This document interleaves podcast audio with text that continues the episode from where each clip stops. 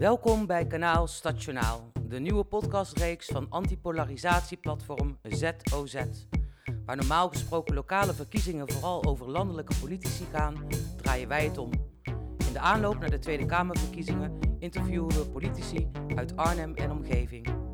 Wie zijn zij? Wat motiveert ze? Kanaal Stationaal zoekt het uit. In deze podcast spreken David Saalmans en Anita van Rootselaar met Mark Koenders van GroenLinks. Ja, we zitten hier met, uh, in Hotel Bos met Mark Koenders. Uh, Mark Koenders is sinds 2014 raadslid voor GroenLinks in Arnhem en sinds 2018 fractievoorzitter. En we gaan met hem praten over uh, wie Mark eigenlijk is, over de Tweede Kamerverkiezingen en ook over het referendum over het DIFTA-systeem wat eraan Mhm. komt. En natuurlijk een heel mooi actueel onderwerp. Um, Mark, welkom. Dankjewel. Goedemiddag. Allereerst, uh, we zitten hier, zoals ik al zei, in Café Bos. Uh, als uh, geboren getogen Arnhem en linkse rakker, ben jij hier vaak geweest? Ja, ik ben wel van na de generatie natuurlijk dat het een kraakpand was. dus, ik ben, maar ik ben hier wel geweest, zeker. Ja, nou, optredens en dergelijke, die zijn hier ook wel eens geweest. Nog een oud docent van mij die hier in een, in een band gespeeld heeft. Dus nee, ik, ik ken het. Ja. Nog mooie herinneringen hieraan, deze plek? Nou, geen, geen legendarische herinneringen of zo. Dus geen spannende verhalen voor nu. Nee. Zeg, um, jij bent, uh, jouw leven is, is, politiek speelt een grote rol, want naast uh, fractievoorzitter ben je ook nog bestuursadviseur voor een gemeente. Ja. Um, wat heb jij met politiek? Wat, waar waar die in, komt die interesse vandaan? Ja, het, het, het, is niet bij mij. Je hoort wel eens van die verhalen van mensen die in de politiek zitten. Van ja, dat was één moment en toen ben ik ineens politiek actief geworden. En dat was voor mij het moment dat echt de omslag was of dat ik naar die partij ging. Voor mij is het denk ik meer een soort van aanloop geweest van, van alles en nog wat. Uh, mm. Hoe ik thuis opgevoed ben. Uh, mijn ouders die altijd met elkaar over politiek praten aan de eettafel en dat pik je dan op. Um, interesse in geschiedenis die ik al vroeg had, uh, wat natuurlijk ook heel erg nauw verbonden is met politiek. op de middelbare school, ik ben in 2000, 2000 ben ik begonnen in het Olympisch College. In een hele diverse wijk, maar ook een diverse wijk en een diverse school als het ging om politieke standpunten. Dat leefde toen ook heel erg. En 9-11 uh, was ongeveer aan het begin van mijn schooltijd. Uh, de opkomst van Verdonk, Fortuyn, uh, Wilders. Het is allemaal in die periode plaatsgevonden. En dat zorgde er ook wel voor dat het een soort van broeinet van politieke discussie werd. Ja, jouw ouders, wat, uh, wat zijn hun politieke voorkeuren? Of wisselt dat een beetje? Uh, en mijn vader leeft inmiddels niet meer. Die is tien jaar geleden overleden. Heel jong. maar die was altijd is allebei links geweest. en mijn moeder is nog steeds links. ik, mijn vader en moeder waren altijd Partij van de Arbeidsstemmers. en um, dat heb ik op een gegeven moment kunnen, kunnen omdraaien naar GroenLinks gelukkig. Ik weet nog, volgens mij was het in 2006 liep ik met mijn vader naar... Toen mocht ik voor het eerst stemmen naar het stembureau. En hij twijfelde heel erg. En heb ik hem op weg naar het stembureau nog kunnen overtuigen om, uh, om GroenLinks te stemmen, volgens mij. Dus, uh, dus dat was wel mooi. Maar, en hij is daarna ook lid geworden van GroenLinks. Uh, en mijn moeder ook. Dus nee, die, die De zijn eerste links. keer dat jij ging stemmen, was het GroenLinks en heb je ook meteen je vader overtuigd? Ja, maar ik, ik denk dat ik hem... Het is mijn heroïsch verhaal dat het op weg daar naartoe is. Ik, ik heb, ben ervan overtuigd dat hij misschien al wel van tevoren dacht... Nou, ik denk het wel, maar nou, toen was voor mij het moment dat ik dacht van... nu, nu gaat hij het doen. Uh, ja, ik heb eigenlijk ook zelf altijd uh, GroenLinks gestemd. En ik was al lid van GroenLinks voordat ik mocht stemmen. Uh, ook. waarom werd het GroenLinks? Ja, ook dat is denk ik niet één moment geweest. Um, ik, ik, ben ook opgevoed heel erg met liefde voor de natuur. ik kom uit Arnhem-Zuid, dus bijvoorbeeld Mijnerswijk is voor mij een belangrijk gebied. Er kwamen heel veel. Mijn vader had ook een moestuin waar we dan ook weer af en toe kwamen. Uh, we gingen vaak naar stadsboerderij Prezikhaaf, waar we heel veel met dieren natuurlijk uh, kennis maakten. Uh, familie die een boerderij had. dus zo is eigenlijk de natuur voor mij ook heel natuurlijk een onderdeel van mijn leven geweest. De liefde voor de natuur ook. maar ook het klaarstaan voor anderen. mijn vader is bijvoorbeeld medeoprichter van de dorpsvereniging Elder geweest. Dus ook maatschappelijk actief zijn. hij heeft echt in talloze besturen gezeten trouwens. Maar dat was, was degene die, die misschien het grootst was. Ja, dat is, dat is gewoon met de paplepel ingegoten, maatschappelijk betrokken te zijn om te kijken naar je naasten, om te kijken naar je samenleving en naar de natuur. En je hebt, heb jij nooit op een andere partij dan GroenLinks gestemd? Nee, nee. Wauw, Nee. wat standvastig. Hm. Ook uh, Ja. overwogen om lid te worden van de VVD? Nee, nee, dat heb ik nooit overwogen. Nee, helemaal niet. Nee, er zijn wel eens momenten geweest dat ik dacht van, en dat was vaak echt tussen verkiezingen in. Dus eh, rond verkiezingsperiodes eh, was het voor mij al vaak duidelijk. Nou, er zijn ook nieuwe programma's, dus ga je ook weer verdiepen. Ehm, en, maar er zijn natuurlijk voor, voor een GroenLinkser en voor iedereen, iedereen die links is, hebben SP en de Partij van de Arbeid natuurlijk een soort van natuurlijke aantrekkingskracht. En ik hoop dat dat straks in de landelijke formatie ook zo zal zijn onderling. Uh, maar het is voor mij nooit uh, zo ver gekomen dat ik op een andere partij wilde stemmen. En nou helemaal niet dat ik lid zou uh, willen worden van een andere partij. Ben je wel eens teleurgesteld geweest in je eigen partij? Um, ja, uh, ja ook. Ja. En, en wa wat was dat? En nou, het, een teleurstelling die bij mij wel meteen omsloeg trouwens in een, een actiebereidheid, zeg maar. En dat was misschien wel uh, het meeste rond 2012, dat er heel veel gedoe was. Hè. GroenLinks is toen op een gegeven moment ook afgestraft bij de verkiezingen, vier zetels. Uh, intern gedoe ook over militaire missies, uh, leiderschapscrisis. dat, dat vond ik wel teleurstellend, dat we niet met z'n allen een, een, goede koers daarin konden bedenken. En, en, dat ik zag dat de partij wat, wat um, ja, wegviel. En niet alleen qua stemmen, maar ook qua, qua betrokkenheid. En dat was ook het moment dat ik, uh, ik was toen al actief geweest lokaal, een tijdje naar Tilburg geweest toen ik daar studeerde. Dat ik Tobias de Groot, voormalig raadslid hier in Arnhem, ook gemaild heb van hey, kan ik eens een dagje meelopen? Want ik wil, wel, uh, ik wil dit gewoon niet laten gebeuren. Ik wil niet laten gebeuren dat GroenLinks weg hebt in, de, in, de politieke, in het politieke moeras, maar die moeten, dat moet een grote partij zijn. Ja, dus jij dacht niet van, oh god, het gaat mis, laat maar zitten, maar uh, nee. nu, nu gaan we juist... Dit is het moment, ja. Ja. En, uh, uh, en dat was heel leuk. Tobias vond het ook heel leuk, dus ik ben ook meteen met hem uh, een dagje meegelopen. Maar dat, nee, dat, dat was al een moment dat ik teleurgesteld was. Een ander ding uh, waar ik niet zo heel blij mee was en wat gelukkig ook omgekeerd is, is natuurlijk uh, uh, het afschaffen van, van de beurs. Ja, dat, Studiebeurs. de studiebeurs Ja. inderdaad. Ja, dat, dat vond ik eigenlijk ook niet zo'n goed idee. Nou, dan heb je natuurlijk bij congressen ook moties en amendementen bij zo'n partijprogramma. Um, en uiteindelijk is dat ook omgedraaid en is, uh, heb, heeft iedereen ingezien dat dat uh, toch een andere weg moet zijn. Voortschrijdend inzicht. Ja, ja dat hoort er ook bij. Ja. Er is ook geen absoluut breekpunt waardoor je GroenLinks zou verlaten. Je zou het eerder proberen te veranderen. Ja, kijk, er zijn natuurlijk breed, maar dat, zover komt GroenLinks denk ik niet. Hè? Want als het gaat over racisme en dergelijke, dat, dat, dat, dat past totaal niet bij GroenLinks. Uh, dus uh, uh, nou ja, voor, voor, iedere partij zijn er natuurlijk breekpunten, hè, waar ik het dan niet meer bij een partij wil horen. Maar er zit GroenLinks zo ver vanaf dat ik dat niet zie gebeuren. Nee. Wat, wat, wat, wat, wat zou iets zijn waarvan je zegt, oké, okay, ik verwacht niet dat dat bij GroenLinks gaat gebeuren, Mhm. maar ja, dan zou ik me toch wel echt uit de oren gaan grappen van, oh, mm, Nou, je ziet, ik vertelde net al hè, van hoe bij mij een beetje die politieke interesse gekomen is in 2001, de, de aanslagen de, de, en vooral de nasleep daarvan. Uh, de opkomst van Wilders, van Fortuyn, van Verdonk. Uh, daar zie je dat eigenlijk het politieke discours best wel verrechts is. Uh, en we hebben het nu bij de verkiezingen, zeggen sommige partijen, als iedereen wordt wat linkser, zelfs de VVD wordt linkser, ja, dat is natuurlijk onzin, want de afgelopen twintig jaar is het alleen maar naar rechts opgeschoven. En, mocht het ook ooit zo bij GroenLinks gebeuren, dat bijvoorbeeld de termen zoals dat, dat illegal, illegaliteit strafbaar wordt, of dat we niet meer een open land zijn voor vluchtelingen, ja, dat zou voor mij een grens zijn. mm. Um, en, en nou, wat ik zei, dat is bij GroenLinks totaal niet aan de hand. Maar mocht dat zo, zo zijn, dan ga ik eerst proberen het meteen te veranderen. En als dat niet lukt, ja, dan, uh, dan zou dat uh, een breekpunt zijn. Maar, je ja. zegt, hebt het over de verrechtsing. En uh, Jesse Klaver die wil is natuurlijk helemaal nu een pleidooi aan het vormen voor een linkse alliantie. Ja. Waar niet alle mensen die jij op de verkiezingsposter zetten meteen helemaal enthousiast op reageerden. Nee. Um, hier in Arnhem hebben we natuurlijk toch wel wat crisis gehad. Mm. Waar ook linkse partijen wel met elkaar uh, het oneens zijn geweest of overhoop hebben gelegen. Mhm. Mm -hmm. Als jij naar die ervaring kijkt, denk je dan... Ja, dat is gewoon niet realistisch, zo'n linkse alliantie. Of geloof jij er toch wel in? Nee, ik geloof er heel sterk in. En, en, er wordt ook wel eens gezegd van die linkse partijen... die hebben toch totaal geen meerderheid. Hè? Als je kijkt bijvoorbeeld naar SP, Partij van de Arbeid en, en GroenLinks. En dat is zo, maar uh, als je kijkt naar ook... Uh, volgens mij hebben, nu, hebben ze het keerpunt 21 genoemd... Hè, naar keerpunt 72, dacht ik... Uh, waar uiteindelijk het kabinet Den Uyl, het meest linkse kabinet ooit uitgekomen is. Ja, toen hadden de linkse partijen ook geen meerderheid. En waar, was dat ook een klein deel. Maar juist door het elkaar vasthouden, uh, door met elkaar te willen samenwerken, mm. uh, hebben ze echt wel heel veel verandering kunnen brengen. Dus het meest progressieve kabinet ooit kunnen vormen. Zou je het uh, hier in Arnhem wel wat vervoelen, een, eh, een linkse alliantie? Ja, dat zou heel mooi zijn. Alleen we zien, en dat is, dat is ook iets, want de Arnhemse politiek is weer een heel aparte soort systeem, zeg maar, en een, een, een cultuur. Die, eh, ik heb ook een, een boek eh, weer laatst gelezen wat ook ging over 1990, waar er ook al heel veel gedoe was in Arnhem. Mhm. En dat, dan zie je toch dat persoonlijke relaties en opstellingen eh, soms samenwerking in de weg zitten. En dat is ontzettend zonde, want er zijn heel veel partijen die programmatisch misschien heel goed overeen kunnen komen. Mhm. Maar in de praktijk dan dat toch loslaten en dat toch het vooral gaat over gunnen en niet gunnen. Waar komt dat dan toch door?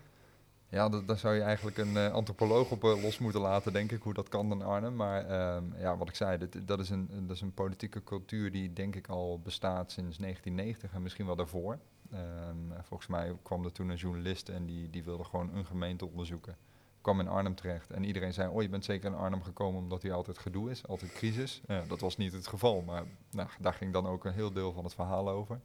Ja, en, en eigenlijk als ik dan terugkijk, eh, zie ik dat dat de afgelopen jaren ook zo is. En ehm, waar dat dan aan ligt, of dat dan van generatie, hè, politieke generatie of politieke generatie wordt overgeleverd, weet ik niet. Ligt dat aan Arnhem? Dat denk ik ook niet. Mhm. Maar het zal een combinatie van factoren zijn. Ja. ja, want het is in Arnhem nu de vierde breuk in een periode van acht jaar. Ja. Ehm, er wordt natuurlijk veel gezegd over het vertrouwen of het, van de kiezer of het gebrek aan vertrouwen van sommige kiezers. Ehm, nou is dat volgens mij, de hoeveelheid daarvan is redelijk constant, maar Ja. er is natuurlijk altijd wel een groep die, daar, die, die er geen geloof in heeft. Ik neem aan dat dit soort debakels niet helpen. Als je er nou zo naar terugkijkt, wat is dan jouw, hoe, hoe kijk je daar nou zo tegenaan? Als je daar nu naar terugkijkt, wat vind je er nou van? Ehm, nou, eh, ik geloof ook inderdaad niet dat dit soort dingen, dat, dat straalt niet goed, op, goed af op Arnhem. Hè. En ik, eh, ik had een landelijk journalist aan de lijn en daar ging het ook over de breuk, eh, wat de afgelopen Mhm. week gebeurd is. Ehm, we hebben als GroenLinks, VVD en Partij van de Arbeid de samenwerking met D66 opgezegd. Nou, dan, dan werd ik daar opgebeld over, door een journalist en dan denk ik, ja, dat is eigenlijk heel jammer. Tuurlijk begrijp ik dat het dan hierover gaat, maar al die keren dat we heel veel mooie inhoudelijke dingen hebben kunnen bereiken, over, partij, of over coalitiegrenzen heen ook soms hoor, of heel vaak zelfs. Eh, d- dat- ja, dan, dan komt er eigenlijk weinig aandacht voor. En eh, eh, ja, dat is dus ook heel naar dat dit soort berichten in de, in de media komen, wat heel terecht is, maar dat dat dan ook het beeld is van de politiek. Ja. En dat het ook nodig is. En ja, had je dat dan kunnen voorkomen? Ik geloof ook wel dat je op een gegeven moment moet je, ehm, ehm, moet je keuzes maken. En dat, dat is soms heel pijnlijk. Maar als, als dat de stad aangaat, ja, dan, dan is beeldvorming even iets minder belangrijk dan, dan wat voor de stad belangrijk is. En Ja. Waar, waar ben je het meest trots op met wat jij bereikt met GroenLinks of wat GroenLinks heeft bereikt? Eh, dat, zijn, dat zijn een heel aantal dingen, eh, maar waar ik, als ik het dan samenvat, en dan neem ik meteen eh, een stuk of vijf dingen bij elkaar, denk ik. Maar dan is het toch wel, nou, sowieso de verkiezingsoverwinning. Het is echt ongelooflijk geweest. We hebben sinds 1990, toen hadden we volgens mij drie zetels, daarna altijd vier tot vijf zetels, niet meer, niet minder. En in één keer zijn we gestegen naar zeven zetels, eh, met als resultaat ook een coalitieakkoord die echt heel groen en heel sociaal is, met een klimaatfonds. Eh, en met heel veel extra geld voor armoede. En, en dat, dat, dat deel, dat is wel denk ik waar ik het meest trots op ben. Eh, ehm, nog een ander dingetje wat ik net even aan moest denken toen we het hadden over eh, nou ja, hè, personen die dan misschien toch niet met elkaar overweg kunnen. Dus we hadden het er eerder even over vandaag en toen eh, ehm, werd er gezegd van ja, misschien moet, moet, moet iedereen gewoon wat vaker een biertje met elkaar gaan drinken. Ja. Doen jullie dat te weinig? Moet, is dat een goed idee? Zou Eh, ja, dat mag nu niet, hè? Het mag nu Nee, niet. ja. Maar eh, als het mag, nou, we, we hebben natuurlijk altijd eh, de, na de raadsvergaderingen hebben we eh, ja, borrels klinkt een beetje eh, van Ja. eh, bla bla, maar gewoon erna zitten en dan eh, eh, nou, drink ik niet vaak bier, maar dan, dan praat je wel even met elkaar. En dat is ook heel belangrijk. Hè? Dus politiek is natuurlijk uiteindelijk een strijd van ideeën, maar dat wordt soms veel te veel een strijd van mensen, eh, mens op mens. Je moet denk ik heel hard zijn op de inhoud, maar ook zacht op de relatie. En eh, ik denk dat, dat dat wel beter kan, ja. Eh, en eh, sommige mensen die, die, die hebben daar gewoon niet veel mee. Hm? Dus die, die doen dat niet. Maar ik denk dat het heel belangrijk is. En dat is ook wel landelijk wel eens gebleken. Dat als je in een kabinet goed met elkaar kan, dat zo'n kabinet ook veel, veel grotere kans heeft om te blijven zitten. Ja. Dus die relatie is ontzettend belangrijk. En op jouw eh, eh, de website van GroenLinks, op jouw pagina, waar Mhm. jij een beetje een verhaaltje eh, schrijft, daar zeg je dat Arnhem een stad is waar, niet tegen elkaar, waar we niet tegen elkaar schreeuwen, maar met elkaar praten, met een politiek die luistert. Ja. Denk je dat de inwoners het daarmee eens zijn? Nou, het, is volgens mij meer een wens dan, dan een constatering hoor. Maar als het nu zo is, nee, ik, ik kan me heel goed voorstellen dat mensen het niet mee eens zijn. Ik weet ook niet of ik het er zelf mee eens ben. Ik ben het wel heel erg mee eens dat dat de politiek is die we zouden moeten zijn. En de stad die we zouden moeten zijn. Eh, maar dat het nu het geval is, dat denk ik eh, dat het te weinig is. En het rapport Frisse, hè, wat, wat dan in 2017 is uitgebracht, dat zegt dat eigenlijk ook. Dat het, dat het heel vaak gaat over gedoe. eh, over elkaar. En, en dat is nou juist waar we ook met deze stap die we afgelopen week genomen hebben, afscheid van willen nemen. Dat we in plaats van de hele tijd met elkaar bezig zijn, dat we nu eens gaan zeggen van wat, wat is er voor de stad nodig, zeker in deze coronacrisis. Ja. We hadden het al even over dat jij geboren en getogen Arnhemmer bent. Je hebt dus ook uh, Arnhem door de jaren heen meegemaakt. En de stad is best veranderd in die tijd. Mm -hmm. Wat vind je nou, als je dat terugblikt, goede veranderingen? En wat is er, is er juist had, jammer dat dat veranderd is? Ja, ik, ik moet al heel vaak, als ik, ik, ik kom dan uit de, de Laar West, later in de Laar Oost opgegroeid. Uh, dan gingen we altijd uh, vanuit de Laar West, volgens mij was lijn 9, naar Geitenkamp. Uh, die namen dan als we naar de stad gingen. En dan kwamen we over de Nelson Mandela brug en dan keek je over de stad uit. Dan was het eigenlijk één grote grijze massa. En op de, voor mijn verbeelding weinig groen. en als je ziet hoe de stad de laatste jaren veranderd is, en met Rosette bijvoorbeeld die erbij gekomen is, de binnenstad die echt opgefleurd is, opgeknapt is. Hopelijk straks ook de blauwe golf die er veel mooier uitzien dan zie je dat, dat het echt wel uh, dat, dat, dat Arnhem weer zijn eigen allure teruggekregen heeft. Hè, van Arnhem de genoeglijkste. Mm -hmm. Dat dat veel meer naar voren gekomen is. Ook de trots die we hebben op de parken. Uh, niet alleen Park in Arnhem Noord, maar bijvoorbeeld ook Immelo of Park Westerveld in Arnhem Zuid. En straks Park Lingenzee hopelijk ook. Uh, ik denk dat dat wel echt de mooiste ontwikkeling is die we de afgelopen jaren gemaakt hebben. hoe, hoe de stad eruit ziet. En als jij zelf iets kon veranderen nu aan de stad? Nou, dan, dan zal het duidelijk de tweedeling in de stad zijn. Ja. Uh, want dat is echt uh, uh, iets wat natuurlijk ook van oudsher in Arnhem zo is. Hè. Hele rijke mensen, hele arme mensen. En, um, en, dat zou ik echt, als, als ik iets met een toverstaf kon veranderen, dan zou dat het zijn. Want we hebben echt ongekende armoede ook in Arnhem. Je hebt het nu over de tweedeling, dan bedoel je arm en rijk. Mm -hmm. we, er wordt natuurlijk ook vaak gepraat over de tweedeling Noord en Zuid. Jij woont zelf in Zuid, jij woont in Schuitgraaf. Mm -hmm. voel jij die tweedeling of valt dat volgens jou mee? Nou, ik, ik, heel veel mensen uit Schuitgraaf bijvoorbeeld, die komen ook van, van buiten de stad. Dus die zijn niet geboren in Arnhem, maar in, in Zoetermeer of waar dan ook. Uh, en die, die, denken, die, die hebben het gevoel, en dat is ook terecht, dat ze echt in Arnhem wonen. En wel in een buitenwijk, maar dat is voor hen gewoon Arnhem. En ik denk dat die tweedeling ook steeds minder wordt voor mensen. Er is heel veel uitwisseling tussen mensen die ooit in Arnhem-Zuid zijn opgegroeid en nu in Arnhem-Noord wonen en andersom. Uh, en ja, tuurlijk, uh, um, is Arnhem-Zuid voor sommige mensen misschien wat minder aantrekkelijk. Mm. het stadscentrum ligt aan de noordkant. Maar ik zeg altijd, ja, het stadscentrum is niet Arnhem-Noord, dat is van de hele stad. En, uh, dus ik denk dat die tweedeling wel de laatste jaren minder geworden is. En uh, nou, ik hoop dat dat ook uh, voor mensen zo gevoeld wordt. want de, allebei de stadsteden zijn belangrijk. En iedere wijk is belangrijk, of ze nou in Arnhem-Noord of in, in Arnhem-Zuid liggen. Ik ben ook benieuwd, want ik neem aan, jij woont, dat, als jij in Schuitgraaf woont, dat jij ook een tuin hebt. Je had het erover ja. dat jouw ouders, dat het vroeger ook een moestuin was. Ja. Um, Um, heb jij ook een uh, hele groene, wilderige biodiversiteit of uh, toch een beetje een Jesse-achtige nee, nee, tegeltuin? Nee, nee, nee, nee, dat was niet zo'n succes. Nee. Um, nee, we hebben best wel een groene tuin, ja. ja? ja en uh, vooral mijn vriendin is er goed in. Ik doe meer het, het grove werk en zij is meer van ook de plantenkeuze en de bloemenkeuze. Maar het is niet met eten, niet zoveel eten in de tuin, maar wel heel veel bloemen en, en planten. En we proberen dat ook vooral inheems te doen en te zorgen dat het voor insecten interessant is. En zo groen mogelijk, ja. Je had het net over um, arm en rijk, die tweedeling. Dat armoedebeleid is ook een van jouw uh, speerpunten natuurlijk.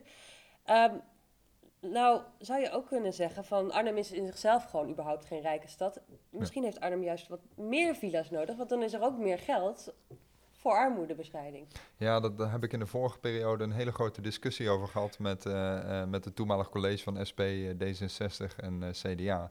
En daar ging het over het bouwen in het groen. En dat was dan zogenaamd snippergroen, zei de toenmalige wethouder van de SP nog. En daar moesten we dan bouwen, villa's bouwen, want er kwamen de rijke mensen. En dan was Arnhem inderdaad als stad rijker. Maar ja, daar heeft de Arnhemmer die er nu woont en die nu geen geld heeft, geen zak aan natuurlijk. Maar, meer villa's, grotere huizen betekent ook meer OZB, betekent meer inkomsten mm -hmm. voor de gemeente. Dat geld kan je uitgeven aan armoedebeleid. Dat kan, maar da dan zou ik liever hebben dat we het geld dat we nu hebben goed besteden aan goed armoedebeleid. En dat doen we gelukkig ook steeds meer. Uh, ik denk niet dat het bouwen van villa's een oplossing is voor mensen die nu niet rond kunnen komen. Uh, en uh, ja, je moet een diverse stad hebben. Uh, en, ik, en dan zou het ook heel mooi zijn dat het diverse wijken zijn. Hè? Dat je niet ergens een villa-dorpje hebt, maar dat het juist een, een gemixte, gemixt geheel is. Dat is nu ook te weinig. Ja, dat past het toewijzen bij sociale huurwoningen draagt daar denk ik ook niet aan bij. Aan die, aan die spreiding van Nou, maar het gaat, het gaat ook over bouwen. hè. Ik, ik woon in een schuitgraven en dan zie je dat de hele wijken gebouwd worden met alleen maar koopwoningen. En die worden natuurlijk ook steeds duurder en steeds onbereikbaarder voor heel veel mensen. En het zou eigenlijk heel mooi zijn. Het is natuurlijk technisch ook best wel lastig, dat snap ik ook. Maar dat je, dat je een sociale huurwoning, een koopwoning, een, een, een particuliere huurwoning, een hele dure woning, dat dat allemaal eh, op redelijke afstand van elkaar is. En nu zie je toch dat dat vaak gescheiden werelden zijn. Hm. Eh, dat zorgt ook weer voor onbegrip. Eh, dus ik denk dat, eh, dat het heel goed is als we die wijken meer gaan mengen. Ja, dat, dat, dat is lastig met wijken die al bestaan. Ja. Maar eh, voor zover we daar invloed op ja, hebben, hoe, moeten we dat doen. hoe, eh, lukt, hoe kun je dat doen? Ehm, nou, dat betekent bijvoorbeeld ook dat je, dat je moet gaan kijken als je nieuwe wijken gaat maken, dat je, ehm, ehm, dat je dus die sociale huurwoning veel meer niet meer apart zet. Hè, want het gebeurt nu ook te vaak. Hè, dat is ook in Schuitgraaf te vaak gebeurd. Maar dus meer vermengd in de wijken.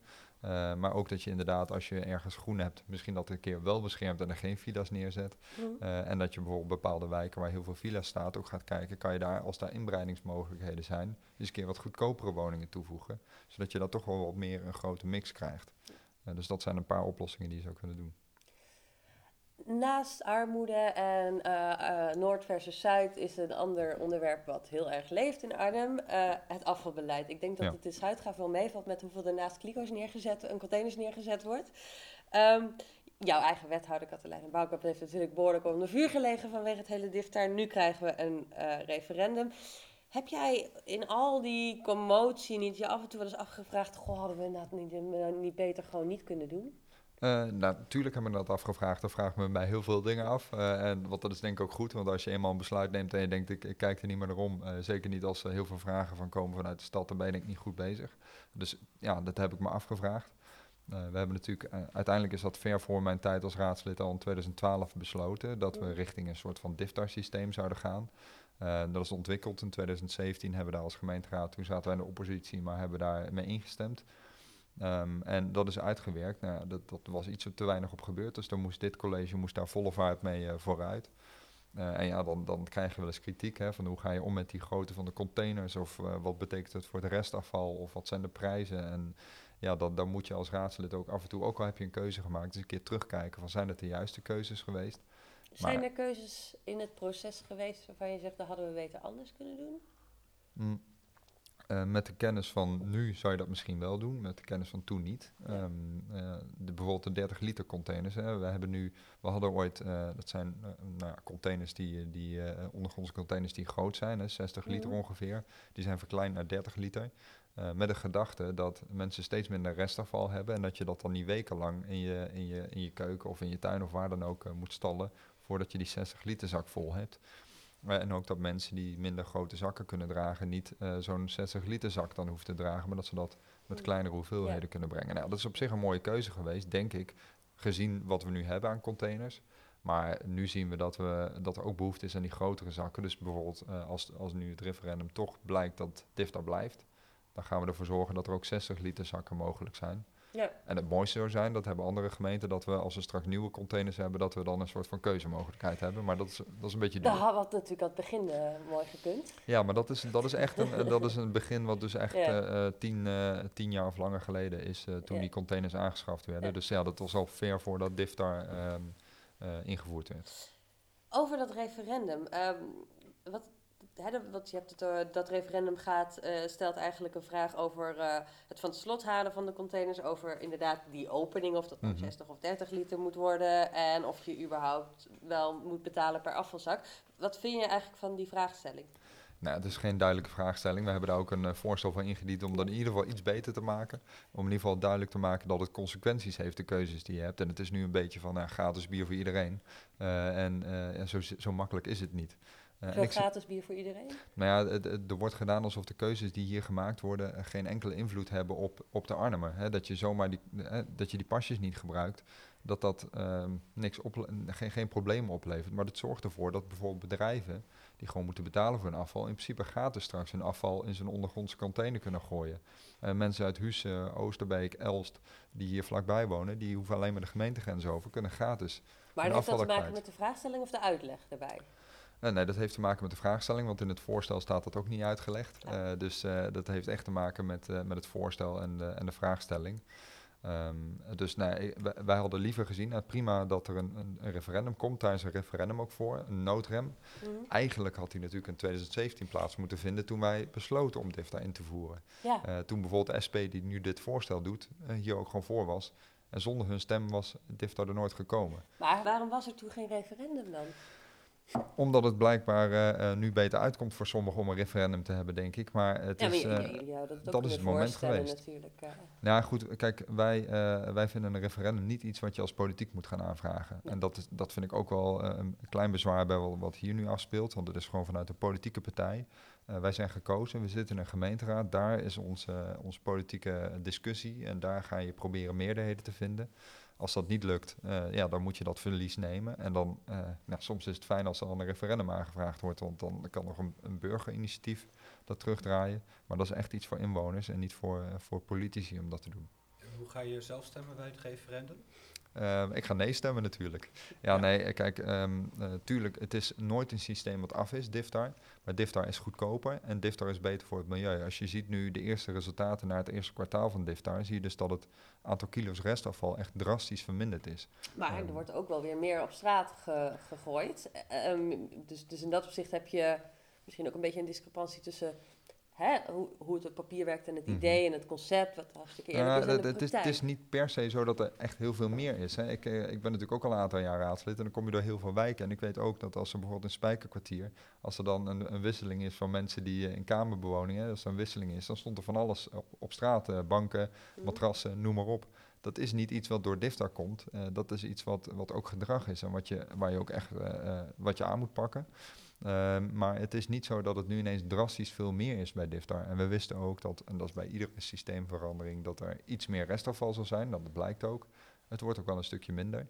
Maar het is niet zo dat het nu ineens een gigantische vuilnisbelt is. Dat is, dat is absoluut niet waar.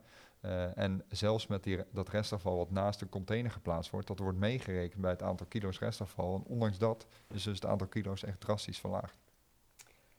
En eh, wat gaat GroenLinks doen als de uitslag van het referendum ja is, dus dat het eh, moet worden teruggedraaid? Eh, balen sowieso als eerste. Ehm, eh, niet alleen voor onszelf, maar ook voor de stad. Want ja, wat ik zei, het is goedkoper en beter voor het milieu. Het is niet af, maar dat, dit is wel het beste systeem wat we nu kunnen hebben.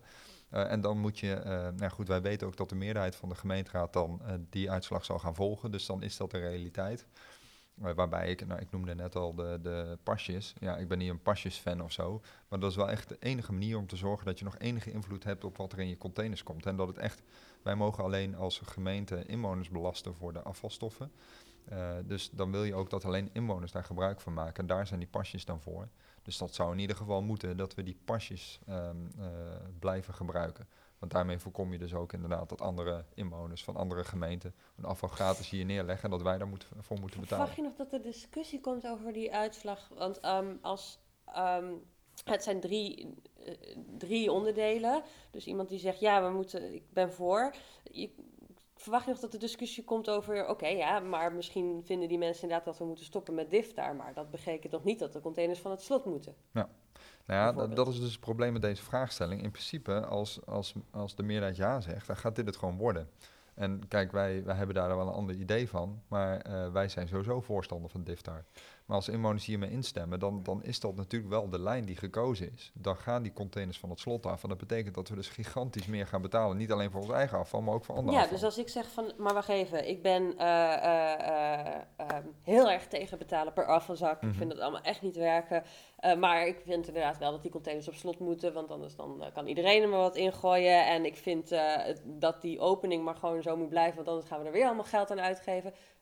Dan moet ik dus toch, hè, dan, moet ik, dan moet ik dus ook eh, zeggen van nee, ik, eh, ik stem Ik ga nee. dit niet volgen. Ja, Ja. ja, twee van de drie heb je dan nee. Dus dan zou ik zeggen, de meerderheid eh, heeft gewonnen. Dus dan moet je nee stemmen. Ja. Maar goed, ik zou het sowieso fijn vinden als iedereen nee Ja, stemt. dat begrijpen we. Dus, dat begrijpen we. Dat begrijpen we. Een ander onderwerp, want we stemmen niet alleen over DIFTA, we stemmen ook over de Tweede Kamer. Ja. En niet onbelangrijk. Ehm, Zeker niet. Is Arnhem voldoende vertegenwoordigd in de Tweede Kamer? Ehm, nee, op dit moment niet. We hebben eh, geen Arnhemse gemeenteraad, eh, of eh, Kamerleden. Gemeenteraadsleden gelukkig wel, maar geen Kamerleden. Ehm, en, ja, ga- ik, ik ken heel veel Kamerleden, dus ik weet ook wel dat, dat de signalen die wij hebben uit onze stad ook gewoon meegenomen kunnen worden. Ehm, dus nou ja, zijn, is, is Arnhem voldoende vertegenwoordigd als je kijkt naar het aantal mensen? Nee, maar als je kijkt naar de geluiden, wel. Ik, ik, volgens mij weten onze wethouders bijvoorbeeld ook heel goed de weg naar Den Haag te vinden. Eh, Heb dus, jij eh, nooit gedacht van, ik, ik, ik, eh, ga ook maar eens, eh, want eh, dan is er in Arnhem eh, een Arnhemmer, eh, ik ga mijn kandidaat stellen. Nee, nee, zeker niet met die reden. Nee, ik, heb, ik heb die ambitie eh, op dit moment niet. En ehm, eh, natuurlijk, ik, vind, eh, ik ben gek van politiek, dus ik vind eh, de politiek in Den Haag ook mega interessant. Maar ik heb me nooit eh, overwogen om een kandidaat te stellen. Nee, nee. Ehm, als we kijken naar eh, eh, eh, de Tweede Kamerverkiezingen, eh, Jesse Klaver is mm, wederom de lijsttrekker natuurlijk. En ehm, wat vind jij nou van Jesse Klaver? Want de meningen lopen toch wel uiteen over hem. Wat vind jij?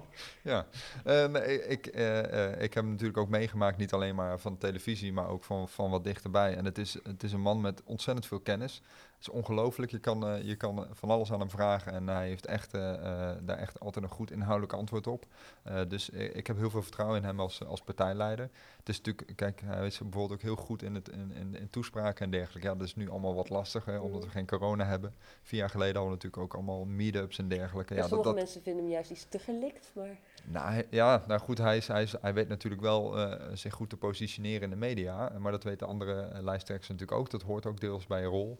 Eh, en ik weet wel dat hij authentiek is. Eh, en dat kan voor mensen misschien gelikt overkomen, op mij niet. Ik vind hem eh, authentiek. Ik vind hem authentiek in zijn standpunten. Ik vind ook dat hij zijn, zijn kwetsbaarheid af en toe laat zien van... Hè, ik had daar misschien wat, wat scherper of anders in moeten zijn. Ik leer ook. Nou ja, dat, dat vind ik wel... Ik, ik vind hem heel authentiek. Ja. Ehm, dus ik, nee, ik ben blij dat hij onze lijsttrekker is. Over biomassa, want de laatste paar dagen was er eh, wat eh, gedoe Mhm. over eh, zijn, wat hij daarover zei. Dat, nou, dat hij toch daar een wat milder in was met geleidelijk afbouwen en et cetera. Ehm, nou ja, wij hebben natuurlijk hier een biomassa-centrale in Kleefse Waard.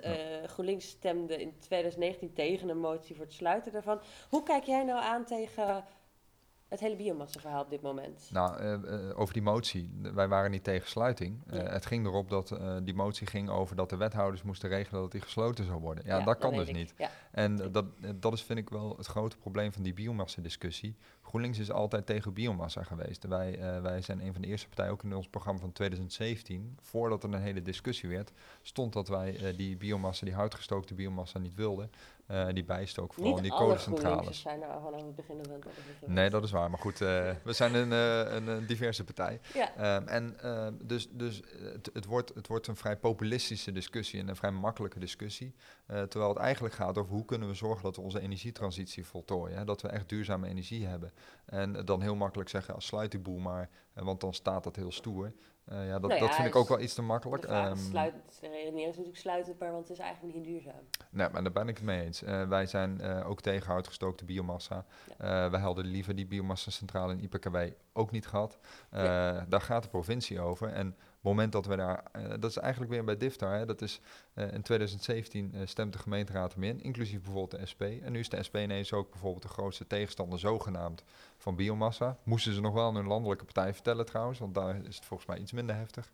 Ehm, dus dat zou wel prettig zijn als ze dat dan ook doen. Maar dan zie je bijvoorbeeld dat hier in Arnhem, toen IPKW, ehm, toen daar die, die, die biomassa-centrale zou komen en die vergunning werd verleend, toen kon natuurlijk de gemeente Arnhem, het college, het toenmalige college, bezwaar maken. Dat is niet gedaan in 2016. Ja, en dan kan je nu wel heel mooi een motie Mhm. van gaat sluiten. Maar het is gewoon een bedrijf. En dan eh, daar kunnen we tientallen miljoenen gaan besteden om dat te gaan doen.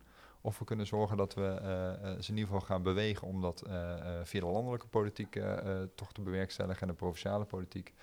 Of dat we ook daarnaast zorgen voor onze eigen energietransitie. Ja, ja. Want in principe heeft Arnhem dus niet heel veel invloed meer op de biomassa-centrale. Invloed wel, eh, maar niet eh, zeggenschap. Eh, kijk, de invloed die wij proberen te gebruiken is te zorgen dat die, eh, als die dan blijft bestaan, in ieder geval zo duurzaam mogelijk is. De afvang van, van vuile lucht. Het liefst zouden wij hem natuurlijk ook gesloten zien.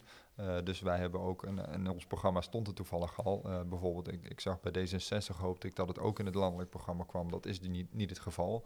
Eh, maar op zo'n manier probeer je ook te zorgen dat die biomassa-discussie plaatsvindt. En dat we eh, uiteindelijk is het het meest effectief als de landelijke politiek gaat kiezen voor echte duurzame energie, voor windmolens, voor zonnepanelen. Eh, en dat het dus niet gaat over die biomassa.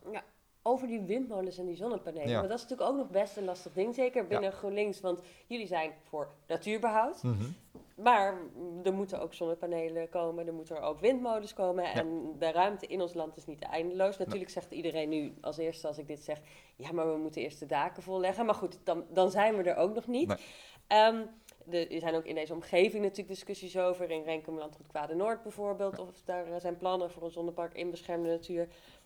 Ik weet dat het, de keuze niet zwart-wit is dus. Maar als je nou echt zou moeten kiezen van... oké, ga ik voor natuurbehoud of het klimaat? Als, als, als er echt een plek is waar er echt die keuze is. Wat is dan het aller, allerbelangrijkste? Eh, het, is geen keuze. En dat is, dat is altijd de tegenstelling die, ja, dat is een heel, flauw antwoord, maar dat is hetzelfde als, eh, ik had laatst met mensen over dat, eh, dat bijvoorbeeld duurzaamheid wordt ook heel vaak gezien als een soort van elite discussie. Hè? Van, oh, Mm. dat is allemaal extra en da- daar hebben de mensen echt helemaal geen zorgen over, want er zijn veel andere belangrijke problemen. Ja, er zijn heel veel belangrijke problemen. Maar we vergeten steeds hoe verbonden het klimaat is met alle vraagstukken die we hebben. Als het gaat over natuur, biodiversiteit, hoe belangrijk het dan wanneer is dat we zorgen voor die goede energietransitie. Ook als het gaat over eh, sociaal. Hè, eh, als je ziet dat de mensen die de gevolgen ondervinden van de klimaatverandering, dat zijn niet de rijke mensen. Het zijn allemaal stuk voor stuk de arme mensen. Hè. De overstroming in New Orleans, de mensen Mhm. die daar de, de effecten van ondervinden, waren de armen.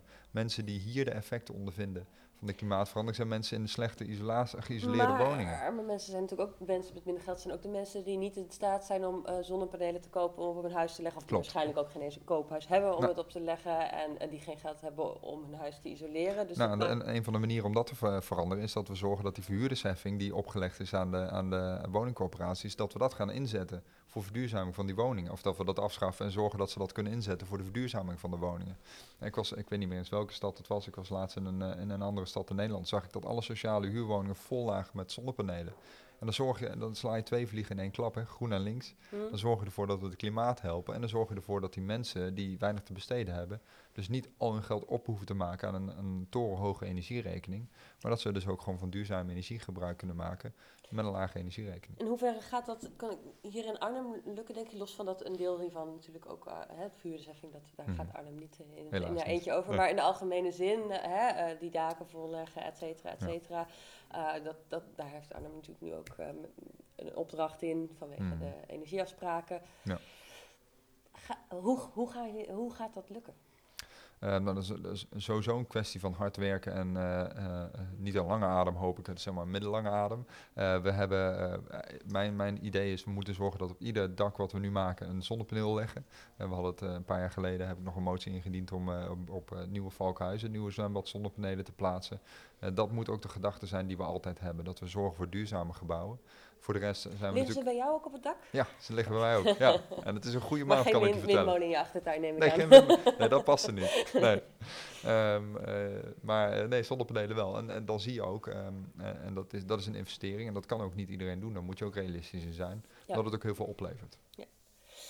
Ehm, als we het wordt gepraat over Nederland, en dan he- heb ik het even heel breed over, dan hebben we het bijvoorbeeld over polarisatie, maar ook klimaat, wat GroenLinks het dan over heeft. Mhm. Er wordt en heel vaak gezegd, het gaat niet goed, het is vijf voor twaalf. Ja. Ben je het daarmee eens? Daar ben ik het zeker mee eens. Ehm, en niet om alles natuurlijk, hè, maar als het gaat bijvoorbeeld over het klimaat. We hebben echt nog maar een paar jaar om te zorgen dat we de, de onomkeerbare eh, situatie dat het klimaat echt verslechtert. Hè, dat we een paar graden eh, verwarming hebben, dat we dat tegengaan. Dus we moeten binnen nu en tien jaar echt zorgen voor, voor radicale eh omkeren.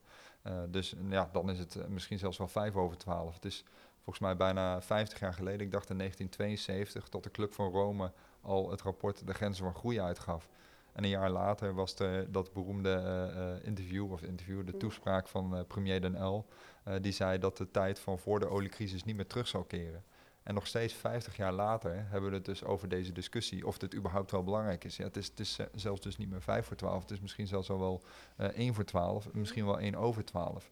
Dus we kunnen daar echt niet mee wachten. Eh, eh, die opmerking wordt ook wel eens gezegd als het gaat om nou polarisatie en ook Ja. over wantrouwen wat er in de samenleving heerst. Mhm. Ehm, als jij iemand zou spreken die zegt, nou, ik, ik geloof er allemaal niet meer in en ik, ik, ik, eh, die politici, het zijn allemaal idioten en eh, eh, zoek het maar uit. Ja. Wat zou je tegen zo iemand zeggen of aan iemand, zo iemand vragen? Nou, het gaat vooral vragen waarom dan. Hè? Want dat is, ik, ik heb het idee dat vaak mensen ook wel een soort van afstand voelen tot politici. En dat, dat is van beide kanten natuurlijk een probleem. Ehm, en eh, dus, dus ik zou heel graag van mensen willen weten, waar, wat ligt daar dan achter? Wa- waarom heb je er geen vertrouwen meer in? Is het iets wat, wat je persoonlijk geraakt heeft of is het iets wat je in de media ziet? Mhm. En eh, ik denk dat het vooral ook gaat over het begrijpen van waar komen die, die zaken vandaan. Eh, dus eh, nee, ik heb regelmatig dat soort gesprekken. En dan is het ook nog wel eens leuk als je dan tussendoor kan vertellen... ja, ik zit zelf ook in de politiek. En dan, Mhm. dan merk je toch wel dat het ontdooit. En dat mensen denken, oh ja, dat zijn ook gewoon maar... want het zijn ook gewoon maar mensen. Ja. En wat ik zei, ik ken een aantal Kamerleden. Dat zijn gewoon mensen zoals, zoals wij hier zitten. Eh, mensen die, die het beste voor hebben. en wel- zelfs ongeacht welke partij het beste voor hebben met het land... en, en aan de slag willen en hun ziel en zaligheid in het werk stoppen. Een hele andere vraag. Ja. We zitten hier nu in eh, Café Bos. eh, dus dat is een van de zeldzame momenten dat we, we in een café zitten. Ook al is het niet in de normale setting. Ehm, nou, er- kan een heleboel niet. Langzaam hebben we wat uitzicht op vastversoepelingen. Mhm. Waar snak jij nou het meest naar? Ehm, ja, ik, ik, ik moet zeggen, ik, ik denk ook wel eens, nee, ik, ik vind het heel fijn om bij vrienden te komen. Dus ik vind het leuk als dat weer kan. Dus als we gezellig samen kunnen eten en drinken en zo. En, eh, dus daar snak ik denk ik het meest naar. Eh, goede knuffel kunnen geven aan je moeder bijvoorbeeld of aan vrienden. Ja, dat is denk ik het, eh, het mooiste. Eh, maar ik maak me om mezelf echt niet het meeste zorgen. Eh, nou ja, sowieso, we, we zitten dus hier in een horecazaak. Hoeveel mensen met een onderneming, of het nou een horeca-onderneming is of een kledingwinkel, nou, die hebben echt ontzettend veel zorgen. Eh, ik, heb, ik heb een baan bij een gemeente. Dat is toch echt wel anders. Je zit, zit dan daar echt wel anders in. En ik mis heel veel dingen. Ik zou heel veel dingen heel graag weer willen. Eh, maar die zorgen die ondernemers hebben, die zijn zo groot. Eh, bijvoorbeeld, eh, we hebben het laatst ook eh, vragen gesteld over mensen met een kwetsbare psychische gezondheid. Ja, wat de gevolgen zijn voor, voor mensen eh, die, die eh, soms echt de deur uit moeten en willen. Ja, van zo'n avondklok. De avondklok en mensen met een Exact. angststoornis inderdaad. Ja. En eh, kijk, ik, ik kan dat goed volhouden, maar soms hebben mensen natuurlijk ook de behoefte, en niet de behoefte klinkt alsof het een soort van wens is, maar echt de noodzaak om even naar buiten te kunnen of even naar een vriend te Mm. gaan als het even slecht gaat. En dan is zo- zo'n avondklok wel echt een, een belemmering erin, dus dat is dan ook wel heel lastig. En tot slot, eh, wat voor eh, stemadvies wil je de Arnhemmers meegeven?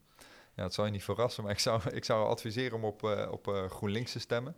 Maar wie van GroenLinks? Op wie ga jij van GroenLinks stemmen? Ik ga op Kautar stemmen, de nummer 9, waar de laatste dagen ook wel eh, weer heel veel over te doen is. Wat, wat ik echt heel erg zonde vind. Want dat is iemand die zich keihard inzet voor, een- voor een beter klimaat, tegen polarisatie. En ik denk een van de beste Kamerleden gaat worden van de komende vier jaar. Oké. En voor DIFTAR-referendum nee om DIFTAR te behouden. Zeker nee, eh, om DIFTA te behouden, maar vooral om te zorgen voor een beter milieu en een, eh, en een, eh, betere portemonnee. Oké, bedankt. Dankjewel, Mark. Dank jullie wel.